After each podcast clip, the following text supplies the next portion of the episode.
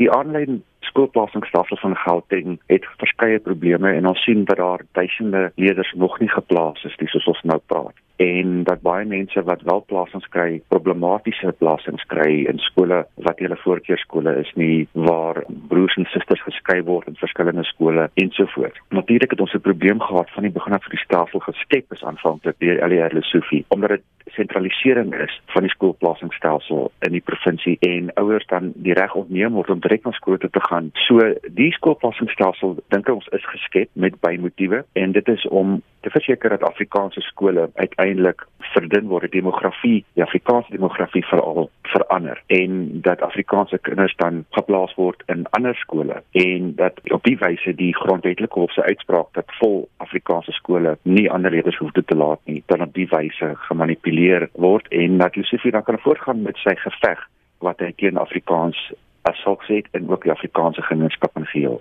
Kan jy meer lig werp op die beweerde wanbestuuring by die departement?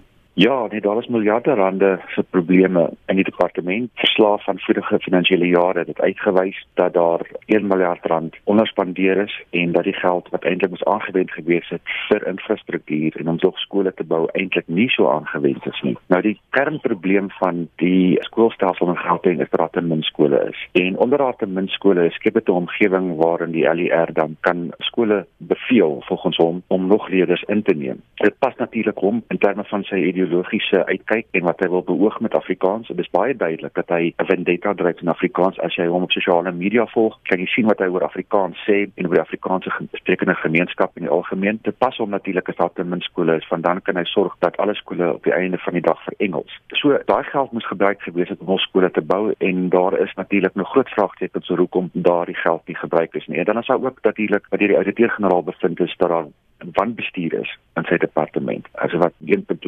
miljard rand wat verkeerd aangewend is en dis meer.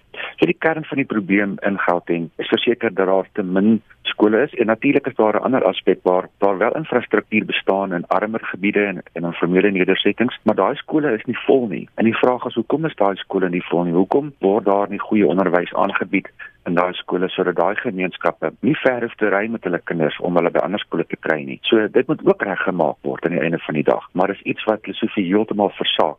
Wat is julle verwagting met hierdie ondersoek wat nou geloods gaan word? Ons wil hulle moet in diepte gaan kyk hoe werk die programmatuur vir die aanlynstelsel dryf of die programmatuur op 'n manier geskryf is om sekere uitkomste te verseker. Hulle moet kyk hoekom is daar plasings wat op 'n vreemde manier plaasvind, soos byvoorbeeld dat broers en susters in so 'n geskei word van mekaar in verskillende skole geplaas word en hulle moet dan ook gaan kyk of daar miskien 'n uh, agenda sou skuil met die skep van daardie programmatuur, iewe die manier hoe dit geprogrammeer is, die algoritme wat gebruik word en dies meer. So hulle moet in wese gaan kyk of hy sy dit is nou die LER sy plig versaak het om die publiek te bedien sonder vooroordeel en of daar net onbevoegdheid dan is want daar's definitief fout daar en hulle moet uitvind wat is die fout presies